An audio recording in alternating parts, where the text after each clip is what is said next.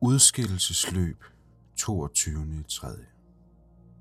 En væsel vralter ud af sin vogn, så voldsom at vommen vælter ud over buksekanten i bevægelsen.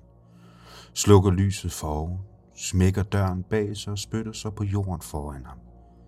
Afmærker sit territorium. Trodser myndighedernes krav ved at kræve sin plads med sit mundvand. Blodet skulle flyde, hvis retfærdigheden skulle ske fyldest. Forbandet væsel. Hvis det stod til mig, så var slamperne slettet, før solen igen stod op.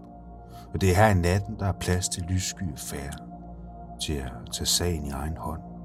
Fyldt med baktusser og bare brag ud i natten i en febervildelse af faste håndtryk.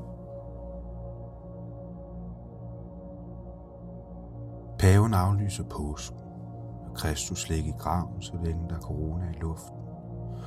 Under udbliver Heldigvis lokkede I mig i hans hellige hus længe før frygten hang i luften blandt os. Her gav de mig både vådt og tørt, så jeg tænker, jeg har mit på det tørre. Men det er da klart, det bekymrer, hvis boet over karmen end ikke forsikrer om frelse, hvis nu dommen den skulle falde. Fandens. Japanerne holder heldigvis fast i at holde OL. Fejre fremskridtet, koste hvad det koste vil. De hører hamskifterne stå og hamre på deres trommer og tårten i deres horn uden for paladsets mure. De vil have en plads på podiet. Det handler ikke bare om at være med. Det handler om at vinde. Koste, hvad det koste vil. Måske er det sidste gang med mennesker i Manesien. Hvem ved, hvad fremtiden finder på. På en måde er det rørende, at det er regnedrenge, der frygtløst kaster sig ud i coronakampen og kæmper for en konkurrence, hvor det er den stærkeste, der er den bedste. Survival of the fittest. Selvfølgelig i forsimplet form. Fysisk formåen. Min forfar er stærkere end din forfar. Den type tilbageskuelse, der sørger for, at vi står fast på vores ståsted. At vi ikke stiger op af stigen.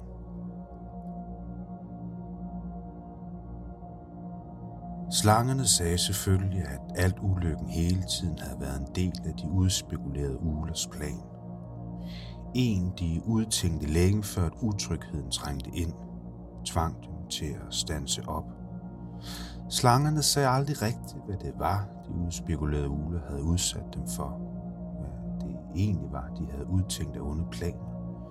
Men må ikke det handlede om pesten, piblede det i krogen.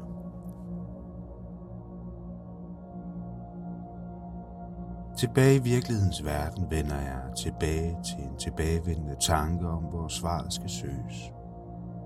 Inden du siger indeni, så vil jeg nu alligevel udfordre det ved at se ud. Spørgsmålet er, om vi skal orienteres mod øst eller holde visiret vendt mod vest. Og hvis vi skal lege også dem for en stund. Hvordan bliver man bedst sund? Hvem har svaret? Hvem ved bedst?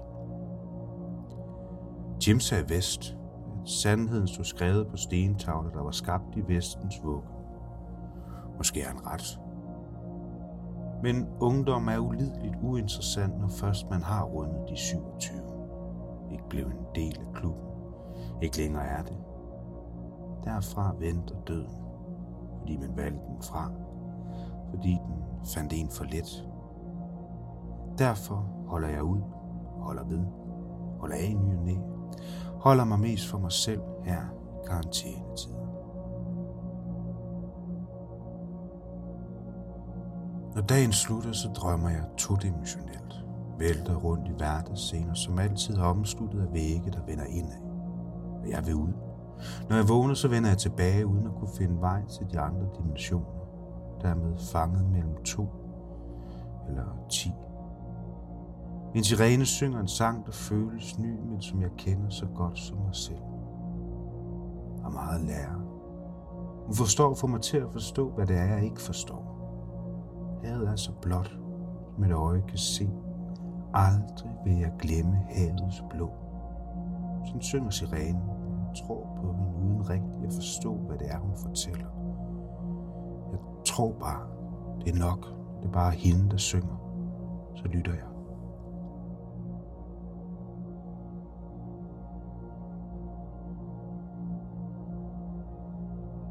Kong Triton troner for toppen af de 10.000 trappetrin, man må bestige, før man kan falde for hans fødder og forsikre ham evigt troskab. Bare fem minutter senere, så sidder han i smug og betror en om et lille land med huer og handsker på, i fuld diskretion. Et land, der ligger langt fra hans hellige haller her i havets blå. Det er den dejligste morgen i 100 år, bobler han herligt. Der svømmer smøger rundt omkring ham. Han hiver en ned med sin træfork og tænder den med en elektrisk ål. Han ophæver fysikkens lov, som tusinder af tænker brugte og tusinder af udtænker, bare for at tænde sig noget, der kan tøjle hans abstinenser. Opfindsomt. Kan du kende mig, spørger han. Han virker bekendt. De lysende lokker, der leger om tinden, når de fanges af vinden, virker venlige. Vind under vand, bringer læseren. Lad mig forklare, lad mig forsvare. Jeg, jeg digter jo bare. Under vand er der vind, og under luft er der laks. Måske en smule for abstrakt. Men det holder vi ikke så nøje her i det mørke, her i det høje. Tør man tro, denne fremmede man er en ven, der endnu bare er ukendt? Eller noget, han forsøger at få en til at tro? Han kan tro om. Kender dig ikke, siger jeg forsigtigt for en sikkerheds skyld. Han vender sig om og slutter sin sang. Det og det for denne gang.